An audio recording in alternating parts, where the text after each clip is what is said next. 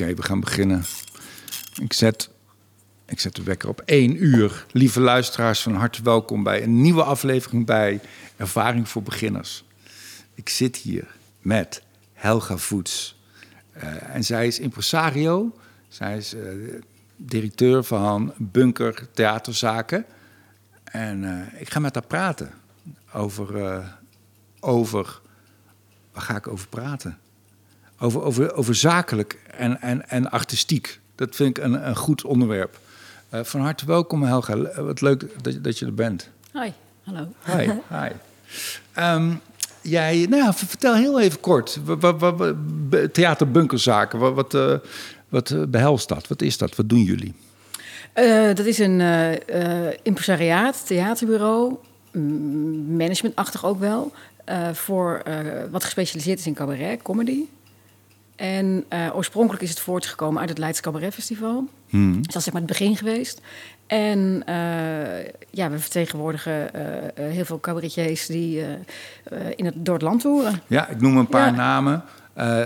goede cabaretiers ook allemaal. Wim Helzen, Daniel Arends, Micha Wertheim, Tim Fransen, Patrick Laurij. Ook, ook wat een beetje oude garde. Ook nog Erik van Muiswinkel, Dolf Jansen, Lebbes, Lenet van Dongen. Misschien wel het grootste impresario van uh, impresariaat van Nederland. Is dat zo? Dat zou kunnen. Ik weet het niet. Dat ja, ik, niet. ik heb niet geteld. Nee. nee. Doet, doet, er ook niet zo toe. Ik vind het leuk eigenlijk om uh, over die twee vla vlakken te praten. Over, over die artistieke begeleiding en over die zakelijke begeleiding. Daar hebben we het nog helemaal niet over gehad in deze hele, hele serie. Nee. Want ik denk dat je een hoop goed werk kan doen bij, bij artiesten en bij, bij cabaretiers op dat zakelijke vlak. Want is dat, is dat cliché waar? Dat al die cabaretiers lapswansen zijn en eigenlijk heel slecht zijn met uh, geld? Nou, lapswansen, dat vind ik helemaal niet een goed woord. Um, maar ik denk gewoon dat het vaak niet je ambitie is, zeg maar, om ook op dat vlak goed te worden. Dat is natuurlijk wel je verantwoordelijkheid, want ik zie het altijd maar dat je allemaal een eigen winkeltje hebt. En ja, je kunt het gewoon, je kunt zeggen, we besteden alles uit aan de boekhouder en ik uh, sta de hele dag de etalage te poetsen. Maar je wilt toch, uiteindelijk moet je er ook wel een beetje verstand van hebben, vind ik. Als en, artiest? Ja, en je er ook wel verantwoordelijk voor voelen.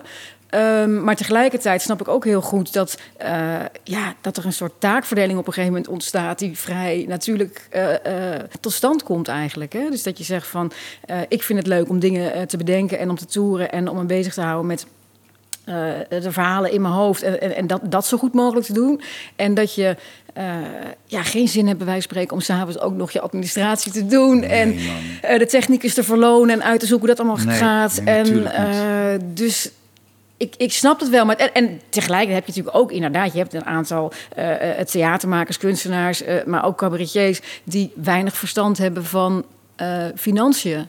Ja, ik dat komt ik- natuurlijk ook nog steeds voor. Ja, dus, ik ben er één ehm, van. Ik ben er één van. Ik weet ja. er niets van. Nee, Ik nee. ga bibberen als ik een envelop moet openmaken. En Ja. ik, ik heb ook echt heb ik plotseling eh, zware dyslexie. Of ben ik eerder anal, ik ben analfabeet. Administratief analfabeet ben ik. Ja. Ik, kan het, ik kan het gewoon niet. Of ja, dit klinkt zo aanstellerig, Mhm. maar ik kom niet naar de derde regel. Ik kom daar niet. Met, en dat ik me dan concentreer en weet wat er staat.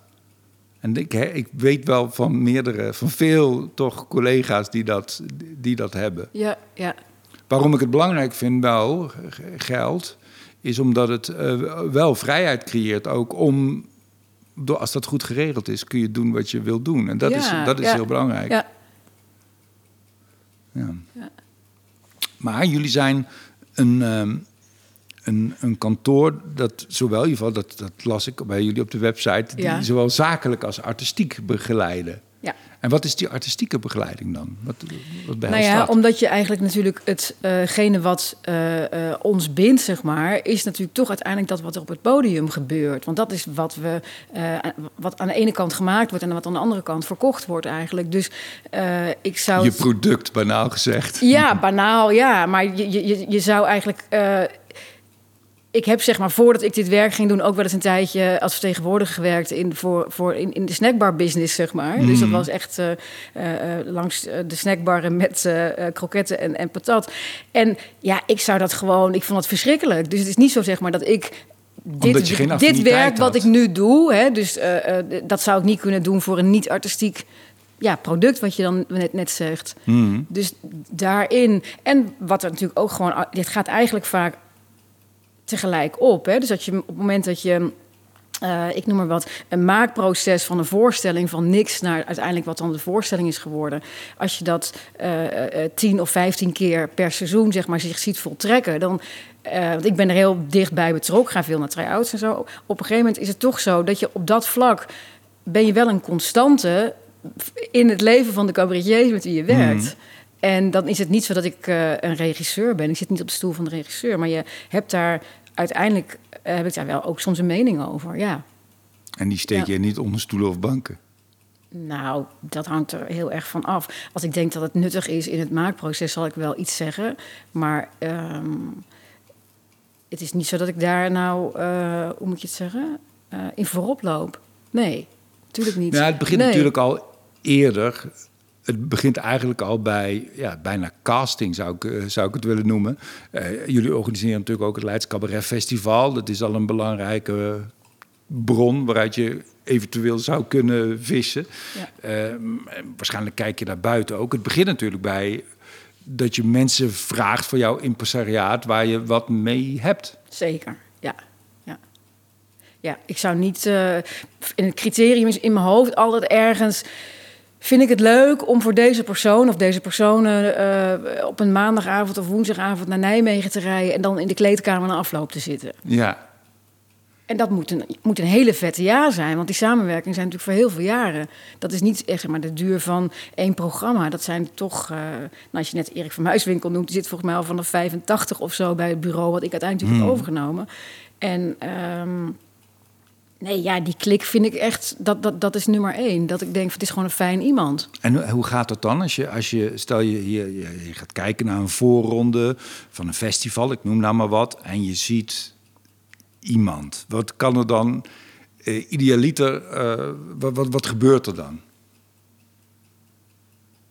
Als ik iemand zie waarvan ik denk, dit is gewoon eh, geweldig. Dit is, dit is echt een daar, goed iemand. daar begint het, ja. ja dat, je, dat je het op het podium heel, dat je het goed vindt, fascinerend vindt. Ja, jeetje, ja. Het is natuurlijk gedeeltelijk, of voor een groot gedeelte, is, is het gevoelsmatig. Hmm. Dus eh, je, eh, ja, je gaat er heel erg op aan, zal ik maar zeggen. Je vindt het te gek wat je ziet.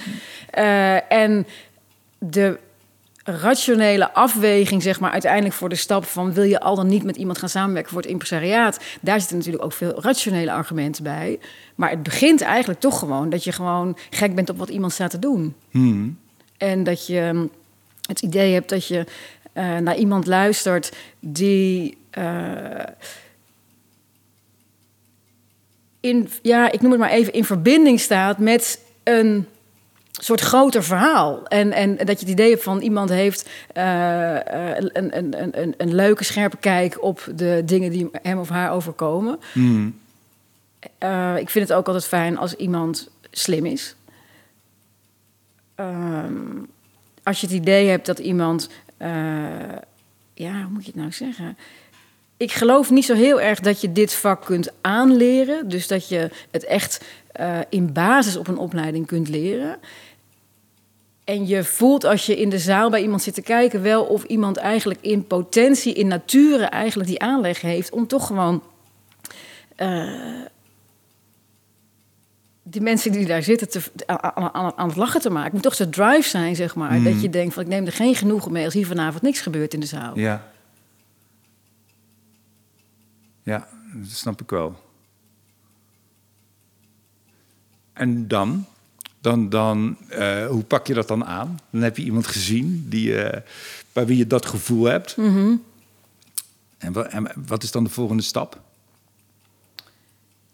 Dat hangt er ook een beetje van af ehm, in wat voor situatie dat is gegaan, zeg maar. Hè? Of je op uitnodiging van iemand gaat kijken, zeg maar. Ja. Of dat je eh, zelf gewoon iemand eh, eh, gaat zien.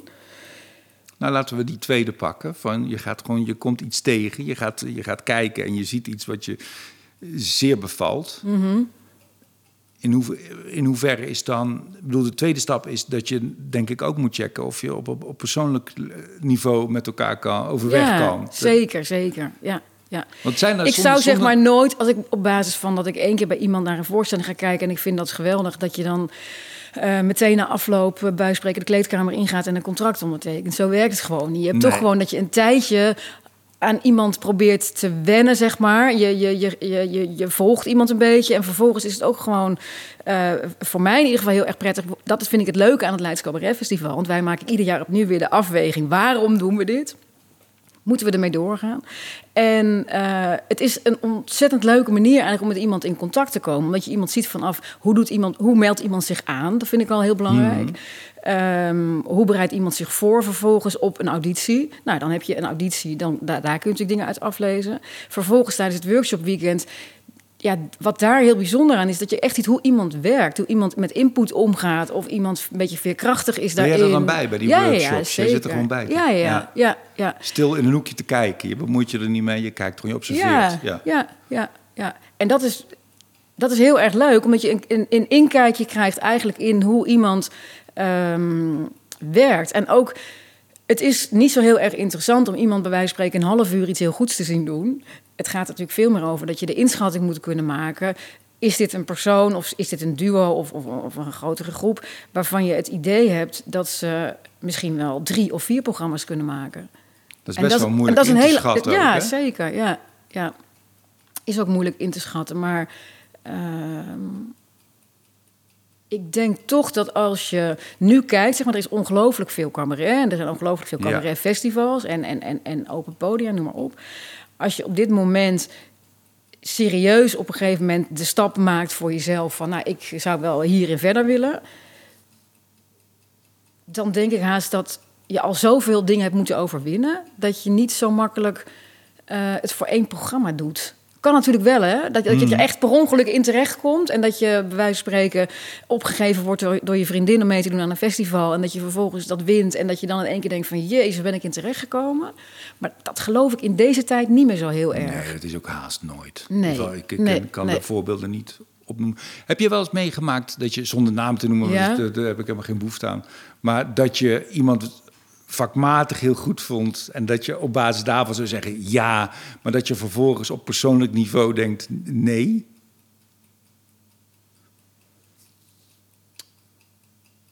Ja, dat is een goede vraag.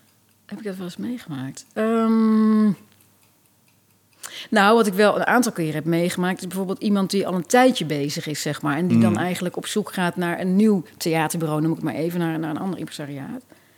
En dat vind ik vaak ingewikkeld. Ik merk dat het... Dus ik ehm, kan niet bij jou terecht, dadelijk, als mijn zuster nee. geen zin meer in heeft. Ja, nee, zeker niet. Nee, Mm. nee. Oké, dan weet ik dat. Ik... Maar het. eh, eh, en dat je dan. Dat, dat vind ik lastig. Ik vind het mooie eigenlijk wel als je een beetje met iemand kunt opgroeien, zeg maar. Dat is gewoon een heel fijn gevoel. ja. Dat je echt ziet waar iemand vandaan komt. En hoe iemand dan inderdaad met zo'n eerste programma, wat vaak toch is van, nou, dit ben ik. Hè? Een soort van mini-handleiding van, van, van eh, introductie tot, tot, tot, tot, tot personage.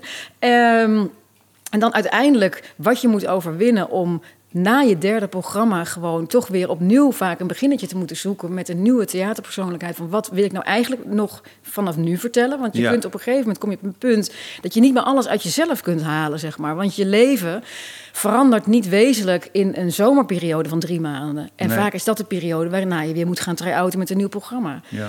En dan moet je het uiteindelijk toch van iets anders gaan hebben. En dat hele proces. En dan uiteindelijk bijvoorbeeld als je dan kijkt naar iemand die al 15 of 20 of, of 25 jaar bezig is. Ja, dat is gewoon heel mooi. Heel waardevol om daar dan op de een of andere manier een, een, eh, eh, bij betrokken te zijn. En ik geloof er niet zo in dat als je al twintig jaar bezig bent, dat het dan het verschil maakt, zeg maar, om dan nog te switchen van impresariaat. Dat je dan denkt, god, dan gaat het in één keer gebeuren. En dan zul je eens zien. Dan word ik op de kaart gezet en dan zitten die zalen vol. En dat geloof ik gewoon je ook te niet. veel van een impresariaat, denk ik. Ja, als je- zeker. ja. Ja, ja.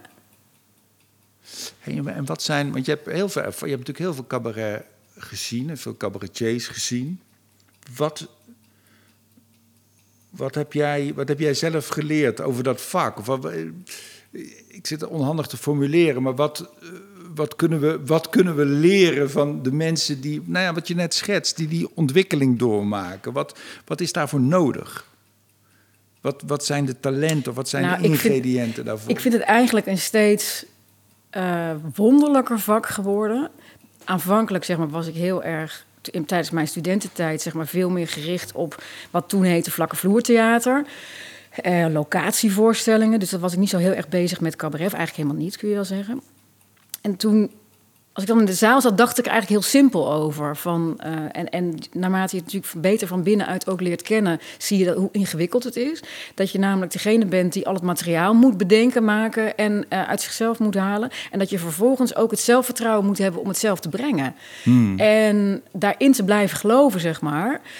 Ehm, wat natuurlijk iets ongelooflijks is. Want een schrijver, die kan op een gegeven moment... die is er niet bij op het moment dat het boek gelezen wordt. Ja. En ehm, als je een bandje hebt, dan verschuil je natuurlijk toch ergens een beetje... soms achter de muziek en achter je medemuzikanten... Ja. en achter de sfeer in de zaal. En dat is zo naakt, dat cabaret. En dat... dat ehm,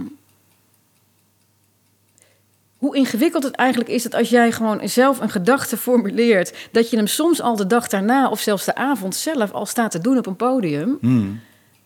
Ja, dat is gewoon iets heel eh, eh, kwetsbaars. Ik moet opeens aan, aan Jackson Pollock denken. Het is een action painting of zo. Ja, ja, ja, ja, het- het ja, gebeurt waar je bij staat. ja, ja. Het is ook wonderlijk, vind ik, dat je... Ik heb ook wel periodes dat ik niet schrijf of geen programma maak. En dan werkt mijn gevoel voor humor nog wel... omdat ik reageer op situaties. En dat kan ik wel.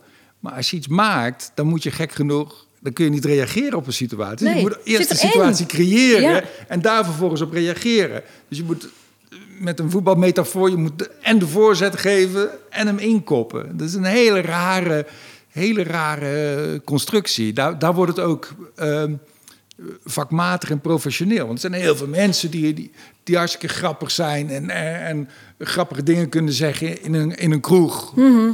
A- Als eh, callback van, van wat iemand anders zegt. Maar ja, het is wat dat betreft een heel, heel rare... het, is, het is een hele rare techniek eigenlijk ook. Ja, heel raar. En je krijgt hem ook vol in je bek natuurlijk als het niet goed gaat. Ja, Wat, wat, wat, wat natuurlijk ook bij heel veel mensen die bij wijze van spreken gewoon bij een bedrijf werken niet hebben. Hè? Nee. Dat je gewoon eh, echt per stuk de hele tijd wordt afgerekend. Hmm. En ik kan me voorstellen dat dat ook juist de spanning geeft die jullie allemaal nodig hebben. En die, die, die fijn is blijkbaar. Anders zou je dat. verslavend, Ja, want. Je, niemand zegt dit moet je gaan doen. Dus jullie kiezen er toch allemaal bewust zelf voor. Nou ja, en, en, en, en daarin zeg maar heb ik altijd wel een voorliefde gehad voor mensen die het durven om echt vanuit zichzelf te spreken. En dat is best ingewikkeld. Zeker nu ook natuurlijk, nu er zoveel, er zoveel gebeurt op, op, op social media. Dan ehm, heb je eigenlijk... Kan ik me voorstellen dat de neiging, dat zie ik ook wel gebeuren, vind ik binnen het cabaret, toch is om je af te stemmen op een soort algemene deler.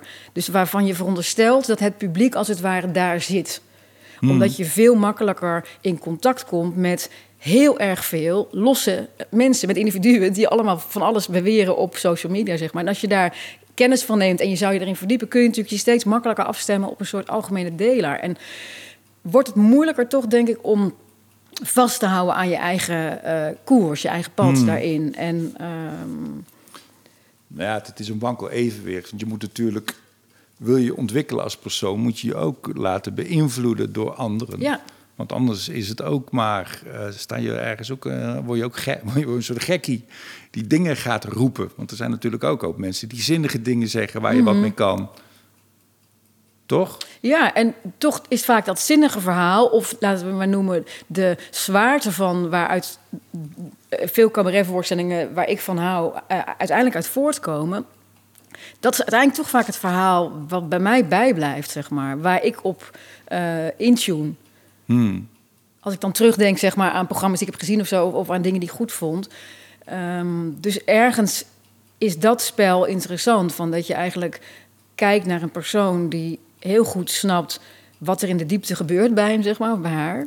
En daaruit toch voor ons in het publiek, ja, eh, lichte eh, eh, bubbels weet te halen, zeg maar. Ja. En ehm, zonder dat zit er, geen, ja, zit er geen angel in en is eigenlijk voor mij die avond verloren. Ja. Als je, als je, als je kijkt naar ehm, Hè, want je begint vaak met jonge talenten die, waarin je potentie vermoedt, die waarschijnlijk een sterk gevoel voor humor hebben. Je kan, je kan al bij, bij een hoop mensen kun je, kun je eigenlijk de lijn zien. Die, die volg je tien of twintig of, of zelfs uh, dertig jaar. Uh, wat, ben je vaak ben je ook verrast in, in negatieve of in positieve zin? Dat, je, dat er ook mensen zijn waarvan je nooit had verwacht dat die zo ver zouden komen, bijvoorbeeld? Heb je de, je hebt, in het voetbal heb je, ik weet niet hoeveel jij van voetbal hebt, je, heb je Messi, dat is een, Mhm. een natuurtalent die, ja, die, die kan wandelend een wedstrijd domineren en nog steeds de beste zijn. En je hebt Ronaldo die keihard werkt en eigenlijk net zo ver komt. Zie, zie je dat fenomeen bij eh cabaretiers ook? Heeft hard Ja, werken zin? zeker. Zeker, ja. Als het goed is, is het natuurlijk een combinatie van hard werken en plezier. Hè? Want als er gewoon op een of andere manier... als je het niet echt zelf superleuk vindt... dan is het veel te zwaar om dit te gaan doen. Ja, ja, dat denk ik ook. En ik denk wel dat je, als je dan Messi noemt... zou niet, niet, ik ga absoluut niks inhoudelijk zeggen over Messi... maar meer als het dan een natuurtalent is, zeg maar... dat is bij comedy ook vaak best een gevaarlijke kant. Omdat als jij, wat ze dan noemen, de lach aan je kont hebt hangen... dat is natuurlijk ook heel tricky... Zeker, ja. En uh, je, daar, kun je ook, daar, ja, daar kun je ook lui van worden. Ja. En iemand die de lach niet aan zijn kont heeft hangen en heel hard moet werken, wil niet zeggen dat hij er niet ook kan komen. Maar dat is ook best een ingewikkelde. Want het is heel lelijk om te kijken naar iemand die heel hard aan het werk is. Ja. Dat is heel vervelend ook, maar. Ja, je moet zo hard werken dat het er niet meer uitziet als hard werken. Ja, ja, ja, ja. Want ik geloof inderdaad niet dat er. Ik kan in ieder geval niet heel veel voorbeelden noemen van mensen die er niet hard voor hoeven werken. Hmm. Dat zie ik eigenlijk toch niet, zeg maar. Het is toch wel iets wat veel vraagt. En uh, zeker als je, als je langdurig eigenlijk gewoon uh, meegaat en, en, en, en, en meerdere programma's maakt, dan heb je op een gegeven moment natuurlijk ook zoiets als, ja, laten we maar even een oeuvre noemen. En je wilt daarin je ook ontwikkelen en onderscheiden. Maar tegelijkertijd merk je soms dat het publiek je niet altijd evenveel bandbreedte geeft. Hmm. He, stel omdat dat jij... ze steeds weer hetzelfde willen. Omdat ja, de ja. smaak iets wat kinderlijk is. Ja, ja, stel dat jij bij wijze van spreken zou zeggen... ik heb een ontzettende wens om met een liedjesprogramma te komen. Dan... is dat best ingewikkeld? Ja, dat is best wel moeilijk voor te stellen. en soms vind ik het jammer, zeg maar. Omdat het lijkt mij bijvoorbeeld heel erg leuk om... Maar dat is ook een gedachte van buitenaf natuurlijk geredeneerd. Want ik, dat moet natuurlijk uiteindelijk vanuit jullie zelf komen. Maar om af en toe gewoon, al is het maar een paar keer per seizoen... een gelegenheid te creëren waarbij je met meerdere mensen in een soort van... Uh, groepsdynamiek terechtkomt, zeg maar. En dat je gewoon uitgedaagd wordt om je te verhouden tot anderen. Hmm. En misschien zoek jij dat wel op, bijvoorbeeld zoals nu bij, bij, bij het Zuidelijk Toneel... dat je dan uh, uh, iets heel anders gaat doen. Hmm. En ik weet ook niet altijd of meteen één op één iets oplevert... maar soms kan het schraal aangaan voelen als je... Uh, jaar in, jaar uit, jaar in, jaar uit... iemand uit zichzelf een programma ziet halen. En Hmm. uh, dan gun je soms iemand een... Ja, een periode, zeg maar, waarin er even iets anders aan de hand is. En waarin je als het dat ware. dat. Je raakt steeds meer losgezongen van je eigen leven, van, van, van, van een Ja. privébestaan eigenlijk. En ehm, Maar ja, goed, jij, jij bent opgegroeid in Sint-Oederode, ik in Zijtaart. We zijn Ja. van het boerenland. ja, En dat is natuurlijk ook een boerenwijsheid. Dat dat met eh, grond ook precies zo werkt. Dat je soms andere gewassen moet laten groeien. ik ben blij dat je dit even te sprake brengt. Of soms, eh, of- soms een Ja. jaartje niks moet laten Nee. groeien op de grond. En dat, die, dat, dat die zich dan weer herstelt en, en vruchtbaar wordt. Ja. Dat, dat is volstrekt logisch. Ja. En er zijn inderdaad voorbeelden van cabaretiers. Ja, het is logisch, maar tegelijkertijd is het ook best een, een ingewikkeld ding. Want als je er, ehm, eh, ik noem maar wat, stel je bent een acteur in dienst van een eh, gesubsidieerd toneelgezelschap, dan ben je gewoon in loondienst daar. En op het moment dat er niet gerepeteerd wordt en niet gespeeld, dan ben je als het ware vrij. Hmm. Maar je wordt wel doorbetaald. En dat is natuurlijk het verschil bij eh, cabaretiers. Dat ook de periode waarin je niets doet, moet je zelf betalen. Ja. Dus dan is de verleiding natuurlijk... Kijk, als je het hebt over eh, mensen op een topniveau... die in grote zalen spelen, zeg maar... dan hou je natuurlijk best spaargeld over om die periode te overbruggen. Ja. Waardoor je echt kunt zeggen... ik ga nu een jaar lang of, of anderhalf jaar lang of nog langer... eh, heel iets anders doen. En ik, ik, ik probeer weer gewoon in contact te komen met, met, met, met, met nieuwe invalshoeken. En dat is natuurlijk veel moeilijker voor iemand die tijdens dat hij aan het spelen is, niet voldoende geld opbouwt om vervolgens zes maanden te overbruggen, waarin hij eigenlijk een nieuw programma moet gaan schrijven. Ja. En dus die afweging, die verleiding snap ik soms wel. Tegelijkertijd hoop ik altijd dat iemand dan toch durft te kiezen om het af en toe wel stil te laten vallen. Ook al ga je voor mij part juist een ander baantje doen, Hmm. Om weer op verhaal te komen. Ja. Ja, er is, ook een, er is ook een ander verhaal. Maar misschien overlapt dat elkaar deels. Want ik denk ook dat het er soms... Ik zie ook wel, en dat is natuurlijk ook logisch... en soms dat, komt dat ook voort uit dat je ook eh, geld moet verdienen. Ik, ja, ik, ik ken ook een hoop jonge comedies en die schrijven dan voor dit was het nieuws. En, en dat worden hele... Het risico is dat je een hele vaardige grappenschrijver wordt. Maar dat het graafwerk waar jij het over had, wat zo belangrijk is om in jezelf te graven en echt uit te zoeken wie je bent, hoe je je verhoudt tot je medemens, tot de wereld. Dat, dat, is ook, dat is best wel een intensieve klus. En ik geloof misschien wat meer dan anderen ook wel in een soort monoma dat je dat monomaan moet aanpakken. En dat dat eh, echt wel de, de hoofdklus is die je moet klaren. En dat je Ja, niet... maar dan ga je ervan uit dat het bij iedereen iets oplevert om te graven. Hè? En dat iedereen ook het in zich heeft om te graven. En dat geloof ik ook niet. Hmm. Ik denk dat het voor heel veel... eh, eh, eh, nou ja, jij noemt hem vaker comedian of cabaretier. Maar in ieder geval dat, dat, je... ehm, eh, dat het misschien wel gewoon je voorland is om eigenlijk overal een beetje aan te snuffelen en overal en nergens gewoon losse klusjes te hebben en daarnaast af en toe misschien een programma te maken. En daarin zie je soms wel dat het ehm, van een soort hogere orde wordt gezien om met een eigen programma te toeren, jaar in jaar uit, en om eh, daarvan te kunnen bestaan. Terwijl ik denk van eigenlijk zou, bijvoorbeeld als ik kijk naar het Leids Cabaret Festival, soms doen er echt gewoon mensen mee waarvan je denkt, jij kunt echt wel wat, je bent slim, je hebt gewoon een soort leuke blik op de wereld, je kunt ook wel schrijven, maar je kunt het zelf totaal niet brengen. En Nee. ehm, dan zou het fijn zijn als het, ik noem maar even het vak van gewoon tekstschrijver, als het wat hoger aanzien zou hebben. En als, want daar zijn natuurlijk nog steeds gewoon ontzettend veel eh, eh, vacatures in, noem ik het maar Maar het heeft even. ook helemaal geen laag aanzien. In ieder geval in, bij- Nou, dat vind ik wel. Dat de meesten daar Ja? toch wel een beetje op neerkijken. Van dat ze daar eigenlijk bij wijze van spreken zo snel mogelijk weg willen. nou ja, omdat een ambitie ergens anders ligt. Omdat Ja. ze eigenlijk... Maar waarom ligt hun ambitie ergens anders? Als het gewoon super eh, tof zou zijn om teksten te schrijven voor allerlei eh, eh, televisieprogramma's of voor anderen, zeg maar, om te gebruiken. Dan zou dat toch.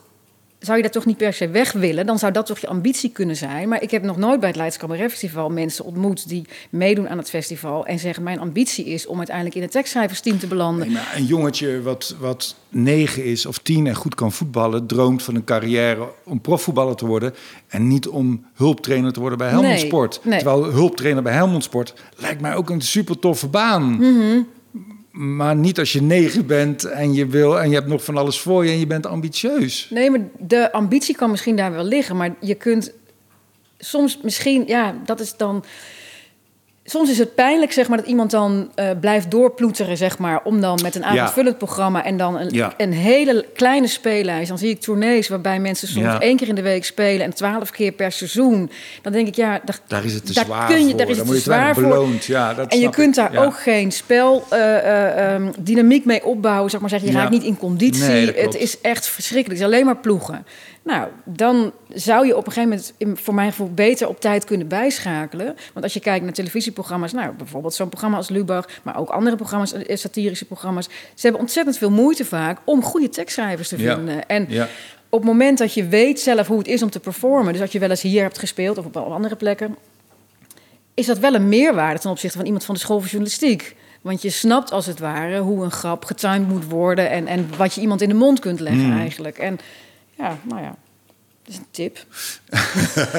Want dat is wat er dan wellicht ontbreekt. En dat vind ik ook wel interessant om over te praten. Ook al wordt dat waarschijnlijk ook weer vaag gelul, omdat het allemaal zo. Vind je tot nu toe vaag? Nee, gedaan? helemaal niet. Oh nee, nee, nee, nee, nee, maar omdat ik daar al, daar zijn we al vaker langs gekomen of zo. Maar want wat je nodig hebt om wel te performen, is denk ik, is dan het ingrediënt persoonlijkheid. Ja, Toch? Dat, Ja. dat is iemand. ja, dat is toch vaak uiteindelijk waar het om draait. Iemand waarvan je benieuwd bent van wat hij ergens van vindt, hoe het met hem gaat, eh, hoe hij zich. eh,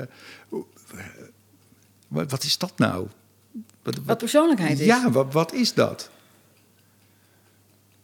Ja, er zijn vast hele mooie definities over te vinden. Ik, ik ben daar nooit zo heel erg mee bezig. Zelfs wat, wat is talent, zeg maar. Van, om dat te definiëren. Of wat is cabaret.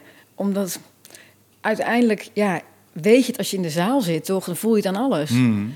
Maar je zou het graag omschreven willen hebben. Nee, ik vind het leuk om erover Om te te praten. praten, ja, ja kan, je on- kan je het ontwikkelen? Of is het er of is het er niet? Ik denk dat je het niet, in, niet wezenlijk kunt ontwikkelen, maar je kunt het wel voeden, zeg maar. En, en ik kan me wel voorstellen dat je, wat waar we het net over hadden van dat harde werken, dat op het moment dat, je, dat het je aan persoonlijkheid ontbreekt, of iets te veel ontbreekt, eigenlijk om het eh, goed te kunnen maken, om maar zo te noemen, in je eentje, dat je dan wel je heel erg kunt ja, trainen, bekwamen in het dat klinkt nu heel lelijk, maar zo bedoel ik het. Ja, in het suggereren van persoonlijkheid. het maar even. het faken. Het fake-orgasme. Nou ja, je ziet soms mensen waarvan je toch dan denkt bij een tweede of derde programma. Nou ja, oké, dat is best nog wel redelijk rechtgetrokken, zeg maar. En, eh, maar dan voelt het nooit als dat het gaat knetteren. Dat, dat gebeurt dan toch niet meer meer, zeg maar. Ja, ja, ja dat is, maar dat is natuurlijk eigenlijk allemaal best wel ook ja, lelijk of jammer. Ik denk wel dat je in het begin van je carrière... dat je, eh, dat, dat je de persoonlijkheid, je theaterpersoonlijkheid... want laten we het zo noemen, want dat, dat is het ook. Want het gaat er niet om dat je in de echte wereld... een mindere of, of meer... hebt. Nee, het gaat, nee, het gaat ja. over het podium, over de het podium, podiumpresence. Ik denk wel dat- dat, dat je in het begin als nog helemaal niet volgroeid bent. En dat je wel een aantal jaren nodig hebt en ervaring nodig hebt en veel optredens nodig hebt om die theaterpersoonlijkheid te ontdekken en te vervolmaken. Zeker. En ook om erachter te komen dat er zoiets is als een theaterpersoonlijkheid. Want dat zie je natuurlijk in, eh, in het begin heel vaak. Dat mensen gewoon als zichzelf daar gaan staan. Hmm. Of als iemand op wie ze willen lijken. En dat is op zich helemaal niet erg. Bijvoorbeeld toen eh Sanne Wallis de Vries eh, het Leids Cabaret Festival won. Dat is heel lang geleden, natuurlijk 96. Ehm, toen waren er in de paar jaar daarna opvallend veel meisjes... die iets deden à la Sanne Wallis de Vries. En dan Ja. kun je daar heel erg boos over worden of kun je het niet begrijpen. Maar ik denk, ja, ik snap dat eigenlijk wel. Zoals ik ook me kan voorstellen dat je een bandje begint op basis van de muziek waar je van houdt. En eh, dan langzamerhand eh, kom je natuurlijk steeds dichter bij wat je blijkbaar zelf bent op het, op het podium. Ja, En, nou ja, als eh, beginnetje hoeft dat helemaal niet verkeerd te zijn. Nee, nee, nee, nee. Zoals ook zeg maar schilders natuurlijk heel vaak gewoon eindeloze studies maken van andere bekende schilders. Door het gewoon echt letterlijk te gaan doen. En dan dat gevoel te krijgen van. Ik denk Ja. wel dat het helpt als er een groot onvermogen is om iemand anders te imiteren. Snap je? Dan is er al. Dan is er maar één weg. Ja, gewoon- ja, ik bedoel, toen je- Jan-Jaap van der Wal hier op het eerst voor op het podium stond, toen, ja, dat was meteen al Jan-Jaap van der Wal of zo. Die, kon, Ja, die, ja. die dacht niet van, hé, maar dat lijkt wel heel erg op. Of zo. Dat, dat is, en dat is deels ook een beetje gelukt. Daar heb je ook wat dingen mee. Mhm. En eh, soms, ja, soms is het er toch ook al snel. Dat is ook raar. Ik geloof dat bijna alle, Maar al, bijna, van zo'n plek als hier, hoor. Dat bijna alle elkaar- jongens, bijna alle jongens, nou, jongens en meiden ook, die ik goed vind, die hier stonden, bij bijna allemaal. De eerste keer dat ik ze zag, vond ik ze eigenlijk al goed. Bij Ronald Goedemond, bij, bij Micha, Ja, bij ja. Tim Fransen. Ja, heb ik ook. Precies. Vond ik ja. ze eigenlijk meteen al goed. En ja, bij- Patrick Laurij had ik het trouwens niet. De, die, de, de eerste keer dat ik hem zag, vond ik hem maar een rare gozer, denk ik. Toen Mhm. stond ik om een half, denk wat is dat nou? En daar kwam ik pas later achter Ja. hoe, hoe goed hij was. Maar dat is Ja. een uitzondering. Ja, dat heb ik eigenlijk ook wel. Ja. En dan zie je nog wel dat het nog heel ver van huis kan zijn in die zin. Maar dan heb je toch al meteen dat je voelt... Ja, en ik vraag me altijd af of diegene dat zelf dan ook zo ervaart. Hè? Want toen Mark Marie bijvoorbeeld hier voor het allereerst ging stand-uppen... Nou, dat was echt gewoon zo'n ongelooflijke eh, stap vanuit eigenlijk acteren... en dan in één keer hier staan als, je, als jezelf.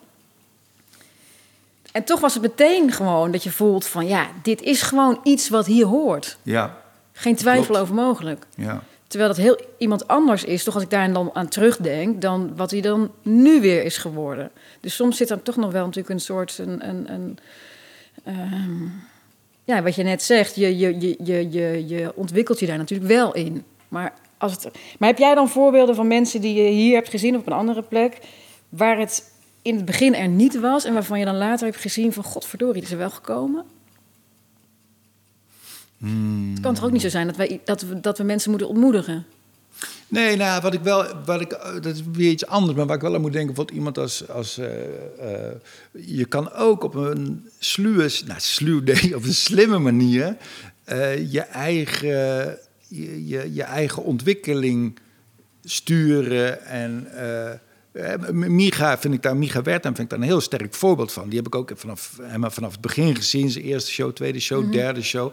En dat was meteen inhoudelijk heel, heel interessant. En zijn materiaal was heel goed. Maar hij was nog niet zo'n goede performer.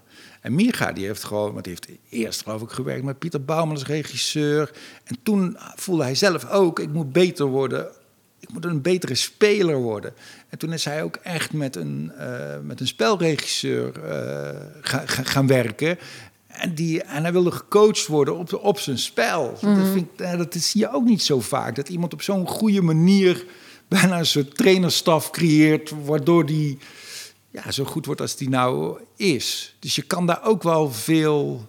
Je, je, het is ook goed om je bewust te zijn van je mindere kanten. Ja, zeker. Ja, ja daar, kan je natuurlijk nog, daar, daar is natuurlijk nog best veel te halen. En dat is natuurlijk een beetje de. Als ik kijk naar de mensen die, zeg maar, die nu dan vertegenwoordigd worden vanuit bunker, dan is het eigenlijk zo dat de, verreweg het merendeel heeft geen opleiding bijvoorbeeld gehad, hè, geen theaterschool of, of, of anderszins. Ja, dat klopt. Ja. Maar dan toch zie je wel dat uiteindelijk je kunt eigenlijk vanuit die twee verschillende routes voor mijn gevoel komen. Dus de mensen die via een theateropleiding komen, hebben vaak weer wat meer moeite of gedoe om als het ware dat voor gedeelte weer af te leren eigenlijk. En om dan dus het hebben ook vaak ongelooflijk veel gezien, hebben echt wel een hele mening over de, theorie erachter eigenlijk. En mensen die meer ja, vanuit... En eigenlijk hun techniek is vaak ook al een beetje misvormd. Uh, ja. Dat kan, hè? De ja. manier van waarop... bedoel, je eigenheid is ook de manier waarop je praat, de manier waarop je beweegt... in alle lompheid of hoe het dan ook gaat. En op zo'n theateropleiding proberen ze natuurlijk te, te, te, slijpen, zodat je die liedjes goed gearticuleerd kan zingen. Daar is iets voor te zeggen, maar dat heeft ook. Nee, nadelen. daar is zeker wel wat voor te zeggen, want je wil natuurlijk uiteindelijk dat, want dat, laat maar zeggen, de, degene die vanuit de praktijk dan meer komen en dan uiteindelijk later zich als het ware laten scholen, maar dan via uh, invalshoeken die rechtstreeks betrekking hebben op hun programma, als het ware. Hè. Dus wat je net het voorbeeld van Micha bijvoorbeeld noemt, maar dan heb je ook andere voorbeelden dat je. Um, uiteindelijk wil je bijvoorbeeld ook niet als je vier keer in de week speelt dat je uh, de tweede avond steeds je stem helemaal kwijt bent. Hmm. Dus er is natuurlijk wel degelijk iets te halen op het vlak van techniek. Ja. Los van speltechniek, ook stemtechniek, maar ook gewoon opbouw van een programma. Dus de spanningsboog, de, de, de uh, allerlei onderliggende theorieën die je op dat vlak zeg maar hebt, dat is natuurlijk. Dat, dat is van, van, van, moet je zeggen, van waarde die je ook mee moet uh, nemen op de ene manier op je pad als je vervolgens in je eentje uh, programma's gaat maken. Mm. En hoe je daar uiteindelijk bij komt, of het dan is door je uh, neus te stoten en dan vervolgens zelf te analyseren hoe kan ik dit nou volgende keer anders doen, of dat een regisseurtje aanreikt, of dat je bij wijze van spreken nog eens een keer ergens een workshop volgt, of je hebt natuurlijk heel veel verschillende manieren daarvoor. En ja, daarin. Um, want dat is altijd zo suf bij bijvoorbeeld het Leids Cabaret Festival... dat er dan heel vaak na afloop wordt gezegd van... ja, maar diegene heeft al gespeeld in een comedyclub bijvoorbeeld. Dat Ja. zou dan een soort van valspelen zijn. Terwijl ik dat meer zie als ook een opleidingstraject. Mm. Net zoals je kunt zeggen... ik vind of iemand nou vier jaar theaterschool heeft gedaan... of vier jaar eh, in Toemler heeft gespeeld... zie ik eigenlijk gewoon helemaal geen verschil in. Nee. Wat mij best wel lastig lijkt voor jou... de artistieke begeleiding is dat al die... want ik ken, ik ken bijna al die gasten die bij jou zitten... zijn ook allemaal stront eigenwijs. Toch? Nou. Hoe- of valt dat mee? Of luisteren ze goed naar jou? Dat is totaal niet waar. nee, ja, stond eigenwijs. En dat is ook natuurlijk wat, wat er bijzonder aan Ja, is. precies. Maar hoe krijg jij ze dan Ja. aan hun verstand gepeuterd... dat het misschien toch slim is om? Wat dan ook. Ja, er is niet een soort van algemeen antwoord op te geven. Niet een soort één van één manier om dat te doen of zo. Dat is meer, denk ik, gewoon dat je daarin, als het goed is, samen optrekt eigenlijk. En dat je, eh, als het goed is, vanuit een gezamenlijk. ehm, eh, vanuit een gezamenlijke verantwoordelijkheid of vanuit een gezamenlijk iets praat eigenlijk. Ja. En, eh, en het is ook, denk ik, iets wat ik wel heb moeten leren: dat het ook niet erg is als je iemand niet overtuigt. Hmm. Want uiteindelijk is natuurlijk de. Als het goed is, zijn jullie allemaal ongelooflijk. En dat is ook ja, intrinsiek gemotiveerd, noem ik het maar even. Dus je weet Ja. echt donders goed van dat je dit enorm graag wil doen en waarom je dit wil doen. Of althans, daar heb je een vermoeden van. Dus het is ook niet altijd erg, zeg maar, dat je niet, eh, ja, ik noem maar even heel tuttig luistert. Nee. Maar zo ervaar ik het toch niet vaak eigenlijk. Dat je echt iemand ergens van moet overtuigen waar diegene niet van te overtuigen is, zeg maar. Daarin. ehm, nee. Noem, noem jij dan bijvoorbeeld een discussie die jij dan bijvoorbeeld hebt met, met, eh, eh, met, met, met, met Judith over dingen? Dat je denkt van. Nou, Judith is mijn, echt- mijn, mijn eh, impresario, voor alle Ja, duidelijkheid. ja, en mijn. Nee, maar Judith die bemoeit zich inhoudelijk helemaal niet met wat ik doe. Nee, nee. Die, ja, als ze ergens van, iets van vindt, dan zal ze dat zeker zeggen. Maar de- dat verwacht ik niet van haar. En zij, zij neemt die rol ook helemaal niet Nee, op maar, maar zo op die manier is het ook niet dat ik. eh, ik bemoei me daar eigenlijk ook niet mee. Ja, maar het staat wel op, het, op, het, eh, op jullie website. Nee, dat is niet zeg maar. Het staat niet dat, dat, dat we de regie doen, maar ik- wel denk ik Vanuit gewoon een je- sterke visie op het cabaret, op de Ja. theatersector en de rol van de media erin, begeleiden we onze artiesten op zakelijk en artistiek vlak. Ik heb het hier gewoon zwart op wit. Ja. Ga het nou niet ontkennen. Maar ik ga het niet ontkennen. Maar wat artistiek vlak ook is, zeg maar, is dat je, ik noem maar wat, eh, op het moment dat we het Leids Cabaret Festival hebben, dan heb je een heel weekend lang, en dat is jaar in jaar uit, zie je gewoon vier regisseurs eh, eh, een weekend lang aan het werk, zeg maar. Daar zit ik bij. Dan zie je op een gegeven moment heel erg goed wat de kwaliteit is van de ene regisseur ten opzichte van de andere. Ja. En ze zijn dan even goed in hun vak, maar ze hebben allebei, of alle vier, wezenlijk andere input Ja. eigenlijk en een visie op dingen. En vanuit bijvoorbeeld, dit is een voorbeeld hè. Dat gegeven kan ik veel makkelijker zeggen tegen een beginnend cabaretier of tegen iemand die er tegenaan loopt van goh, ik zou eigenlijk wel eens meer input willen hebben op dat vlak, met wie diegene eh, zou kunnen gaan werken. Ja. Dus zo zie ik het eigenlijk ook. Je, je overziet als het ware het, ja, het artistiek landschap, maar ook wat er verder wordt gemaakt aan voorstellingen. En eh, ik, ik noem wat zit je bij een voorstelling, heb je een ongelooflijk echt heel eh, indrukwekkend geluidsontwerp. Nou, geluidsontwerp heb je niet vaak bij cabaret, Nee. maar dan kan het soms wel heel goed zijn om diegene in contact te brengen met zo iemand die dat geluidsontwerp gemaakt heeft. Om gewoon te zeggen van laat je daar eens door voeden of ga eens gewoon eens kijken hoe je dat vindt. En eh, dat, dat is iets anders dan een inhoudelijke bemoeienis eigenlijk. Want daar, Ja. op dat terrein zit ik eigenlijk, ja, dat, daar hou ik me eigenlijk ook wel best wel vaak buiten. Ja, ik snap het. Die, die, ja. Hooguit gaat het dan over programmaopbouw bijvoorbeeld. Dat je denkt van, eh, dat je iets terug probeert te geven over dingen die, die je niet duidelijk worden, zeg maar. Of wat... ehm, eh, nou ja, wat, wat natuurlijk leuk is om te doen, is eigenlijk dat je zegt van de dingen waar een cabaretier tegenaan loopt die zijn tiende of twaalfde programma maakt. Ergens zit er natuurlijk ook informatie in die van belang kan zijn voor iemand die met zijn tweede programma bezig is.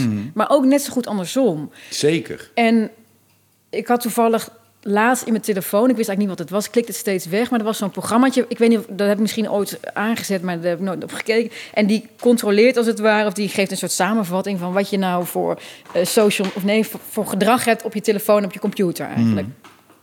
De verhouding tussen de verschillende onderwerpen. Of de, de... Nee, nee, nee. Gaat, want ik dacht eigenlijk dat het, soort- het is een soort statistiek eigenlijk meer van eh, eh, hoe snel je bijvoorbeeld je mail beantwoordt, met hoeveel mensen je in contact staat. Nou ja, het, en Dat soort dingen, ja. dat soort dingen. En er stond dan bij mij een aantal, weet ik veel, een paar keer heb ik het nu aangeklikt.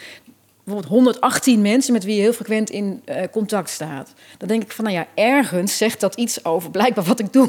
ja. En dus dan vanuit die contacten die je hebt, probeer je als het ware, ja, meer als een soort spelverdeler, denk ik, eh, de informatie weer te rond te pompen naar degene Ja. die er wat aan kunnen hebben. En dat, Ja. dat is eigenlijk, denk ik, veel meer wat, waar dat over gaat, Ja. wat je net noemt. Ja. Is, dat, is dat wat jij in de afgelopen... Want hoe lang, hoe lang ben jij nou? Hoe lang werk jij daar?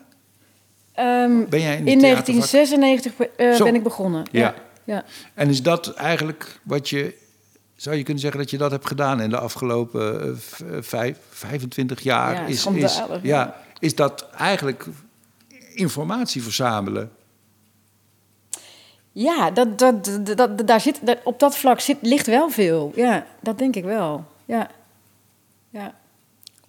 En die vervolgens delen, want je hebt Ja. natuurlijk niks aan die informatie Nee, dat is, zelf. nee, dan Nee. krijg je informatie obesitas. Als je dat allemaal Ja, en zo zie ik het ook andersom richting de theaters gewoon. Dat je eigenlijk heel erg groot gedeelte van mijn werk gaat ook gewoon over voorlichting geven.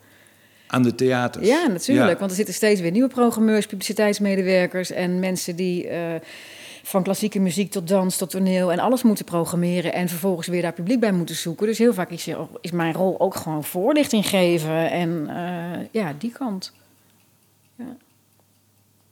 En wat, wat zijn de dingen die jij, die jij ehm, en dan bedoel ik eigenlijk niet eens va- vakmatig, maar meer. Heb, heb jij zelf als mens ook, als mens, nee, als olifant, als, Struisvogel, ja. als mens. Nee, maar wat heb, jij ge- wat heb jij geleerd in die afgelopen 25 jaar?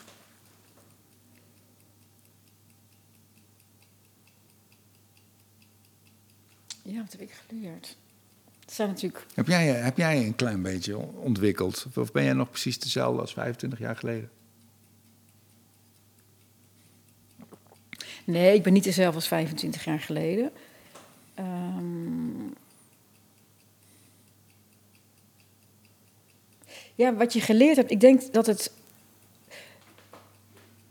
Want ik heb zeg maar soms wel eens dat ik denk, eh, als je bijvoorbeeld met, met, met, met, met, met, met, vrienden of zo eh, gesprekken hebt, eh, die dan eh, veel meer van de ene baan naar de andere gaan. En, en, of, of bijvoorbeeld, eh, eh, weet ik veel wat, eh, eh, eh, vanuit eh, het werk wat ze doen, weer een opleiding gaan volgen of zo. Dat je soms wel eens zo half in je achterhoofd eh, kunt denken van, hé, hey, hoe verhoudt zich dat eigenlijk tot mijn leven, zeg maar. En ik denk dat veel van wat ik doe eerder lijkt op iemand die bijvoorbeeld in het onderwijs werkt. Dat je eigenlijk ieder jaar weet van, nou, deze kinderen in de klas, die moet ik dit jaar van de vijfde naar de zesde brengen. Ja, En eh, dat is een meer cyclisch, noem ik het maar even. Dus, dus Ja. dat je en dat je daar vervolgens door de ervaring die je hebt wel ehm, ja, behendiger in wordt en eh, eh, beter in wordt. Dat is, hoop ik in ieder geval. zonder dat het ro- routine wordt. Ja, want dat, zo voelt het in ieder geval Nee. niet, zeg maar. Dat, en dat komt natuurlijk ook omdat de samenwerking eh, die je met alle individuele cabaretiers hebt, die is onderling zo verschillend.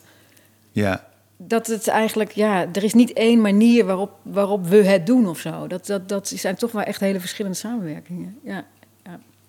en is er, maar is er, wel, is er ook iets gemeenschappelijks te zeggen over al die snuiters en al die meiden die, eh, die bij jou zitten? Is het een type mens, die cabaretier?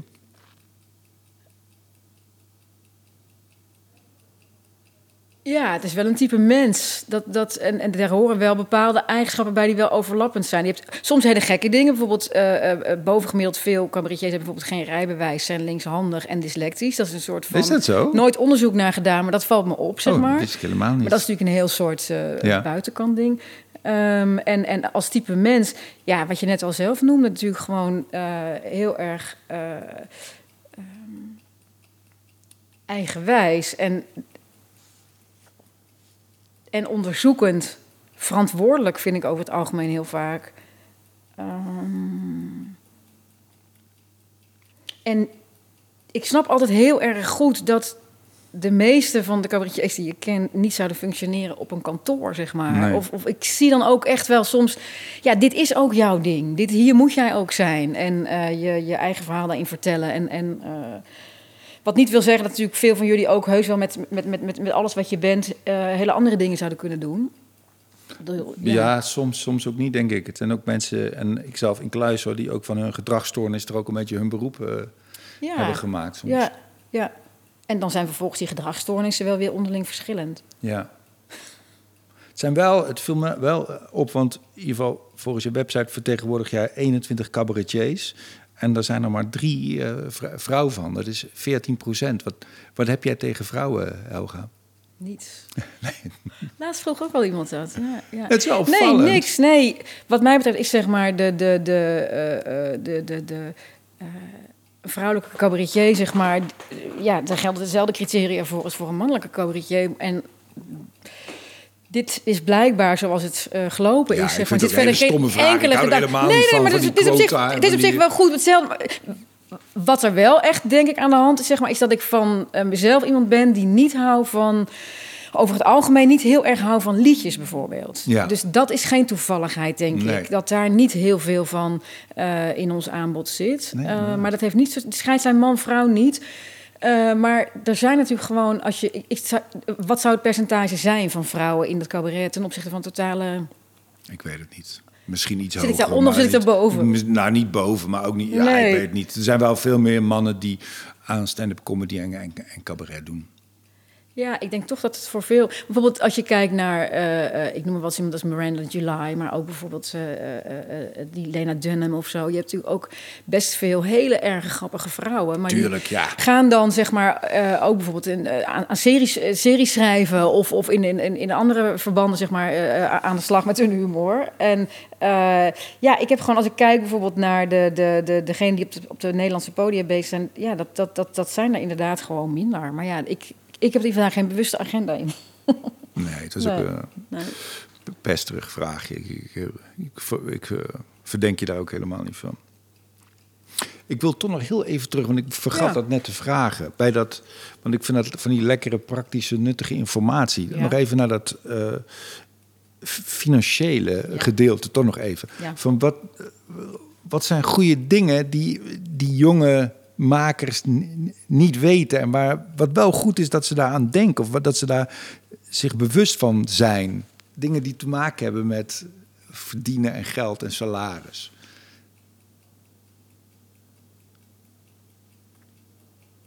Ja, ik zou in ieder geval altijd zeggen van, ook al is het niet je interesse op de eerste plaats, zorg gewoon dat je het volgt. Gewoon dat, je, dat je er toch ergens op de een of andere manier mee bezighoudt.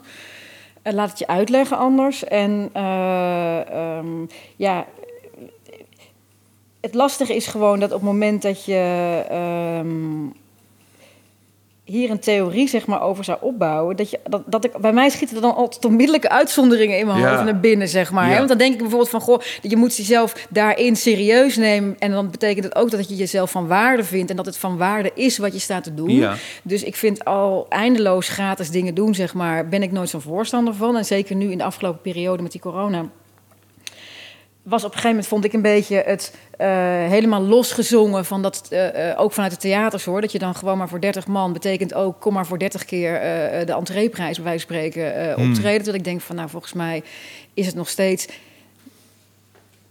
net zoveel waard wat je staat te doen. En waarom zou het dan nu allemaal voor niks moeten eigenlijk? Dus daarin, maar dan denk ik, ja, tegelijkertijd, soms is het juist natuurlijk ook goed om je heel veel dingen te doen. En uh, ook krijg je er niet voor betaald. En, en, en, en die weg uh, ook in te slaan. Dus het is dingen last van wat je nou zou moeten volgen. Ja. Ik, ik, ik vind zelf een beetje, ik wil niet antwoord geven op jouw vraag, maar ik, hoe ik erover denk is dat ik dat dingen tegelijkertijd waar zijn. Ik heb altijd het idee dat ik ik zou nooit. Ik wil eigenlijk alleen maar dingen doen die ik ook zou doen als ik er niks voor zou krijgen. Ja. Maar ik wil er wel wat voor krijgen. De, dus dat vind ik wel een hele goede richtlijn. Je moet het echt doen omdat je het leuk vindt om te doen. En vervolgens moet je een, een respectabele prijs krijgen die klopt. Ja. ja. Ja. Maar daar ben ik het mee eens. Ik, ik kijk soms gewoon heel simpel. Ja, soms moeten we ook bedenken van uh, de prijs van de kaartjes. Ja, wat, wat moet je bedenken? Weet je, wat, wat, wat moet je vragen? Ik, ik, kijk vaak altijd maar een beetje, wat vraagt Brigitte Kaandorp nou eigenlijk? Mm -hmm. je, denk ja, zo, dus, dat vind ik mezelf een beetje vergelijkbaar mee. Mm -hmm. Ze is ook super lang bezig en op een bepaald niveau. En dan denk je, ja, zo, zoiets dan of zo. Je moet, je moet jezelf wel serieus, je moet je laten inderdaad wel serieus nemen. En tegelijkertijd vind ik ook dat dat ook nooit een reden moet dat dat nooit de motivatie zijn of nooit mm een reden moet zijn om het, om, om het te doen.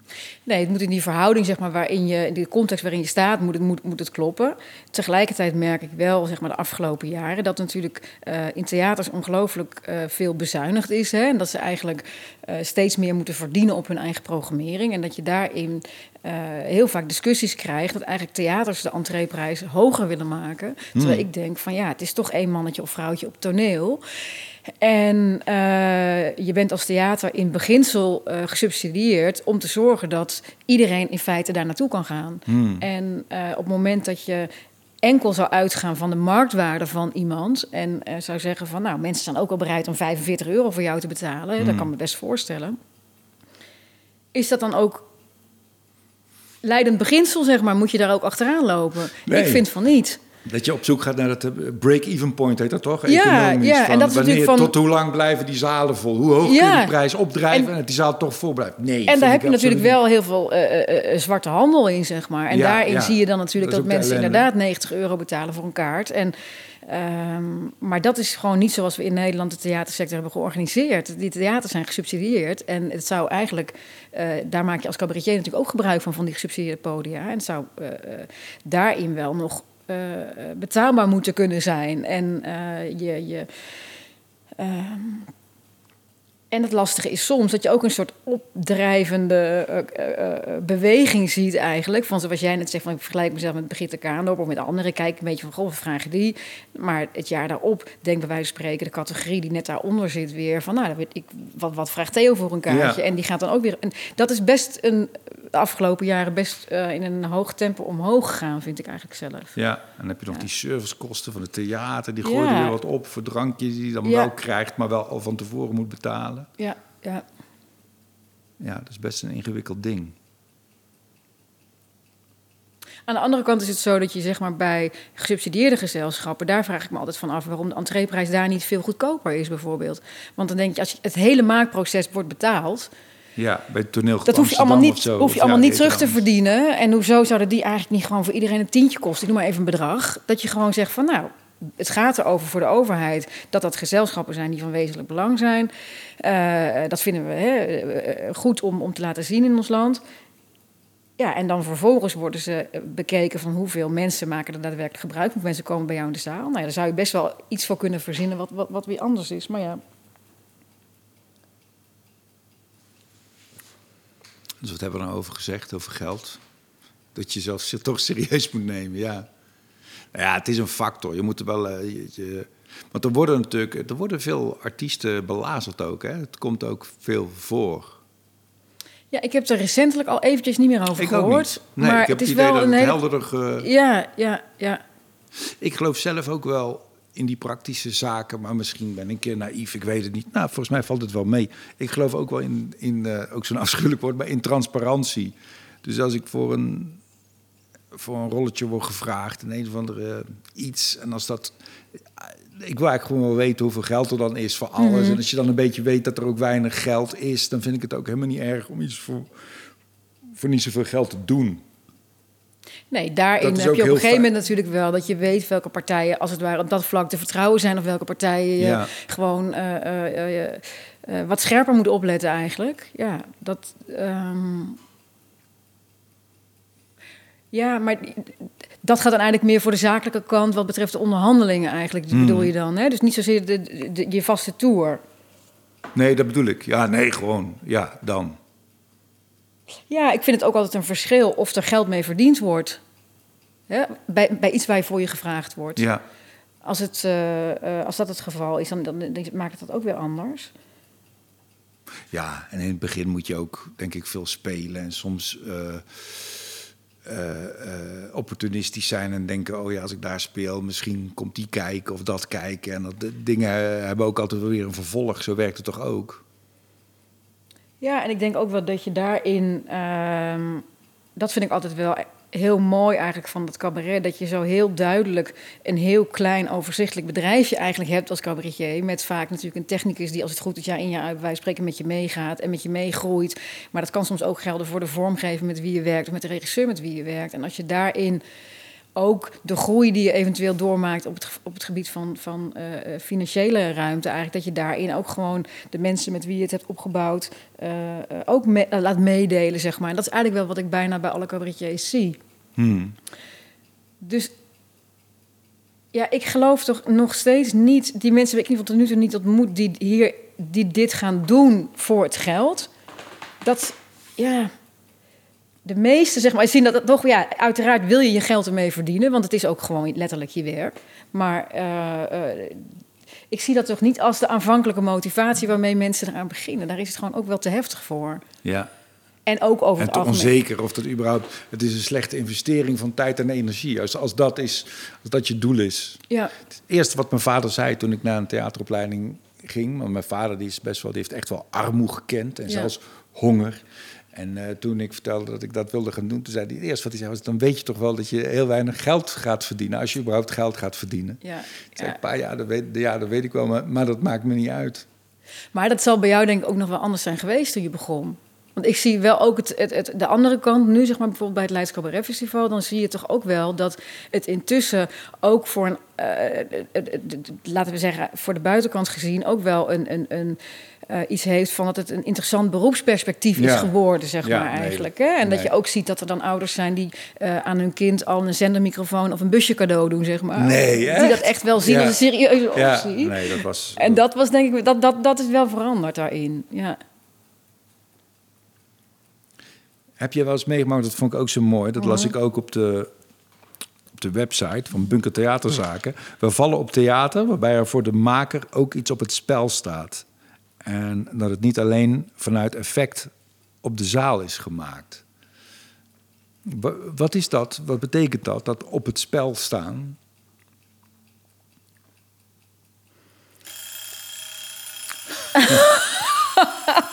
Heel goed. Dat doen we in de tweede aflevering. Ja. Nee, nee, nee. Moet ik hem afmaken? ja. Nou, nee. Ja, dat, dat er iets op het spel staat. Eigenlijk waar, waar, we in het begin het over hadden. Op het moment dat je, uh, als het ware, watgene wat jij doet, afstemt op de uh, mogelijke ontvanger, zeg maar. Dus op een soort van algemene gemiddelde deler in de zaal. Dan vind ik dat minder spannend om naar te kijken. Ja, en maar dat is wat het niet moet zijn. Maar wat moet het wel zijn? Je wil op zijn minst het gevoel hebben dat diegene voor zich, zichzelf bevraagd heeft eigenlijk. En dus wat we, ja, dat graven eigenlijk. Dus dat mhm. iemand voor zichzelf op zijn minst ergens geweest is uh, binnen zichzelf, waar die eerder niet is geweest en wat hij heeft onderzocht voor dat programma. En uh, dan staat er dus iets op het spel. Want dat is, dat is doodeng om dat te delen met de wereld. Ja. En ik denk toch dat dat wel het enige is wat uiteindelijk dan van waarde is. Hoe, hoe hyper individueel jij dat maakt. Ja. Zonder dat het een soort privé wordt, maar het, um, ja. Nee, maar zo, zo individueel zijn we niet. Ik denk wat je ook gaat graven, dat het ook altijd universeel is. Ik vond dat Gerard Cox dat wel heel mooi verwoorden. Die zei, vind ik fijn om af te ronden met een citaat van Gerard Cox. Ja, Gerard Cox die zei... Uh, cabaret is mensen een worst voorhouden... waarvan je niet zeker weet of ze hem wel lusten. Mooi. Hè? Nou, op Gerard. Op Gerard. Dankjewel, Helga. Dankjewel. Graag gedaan. Leuk.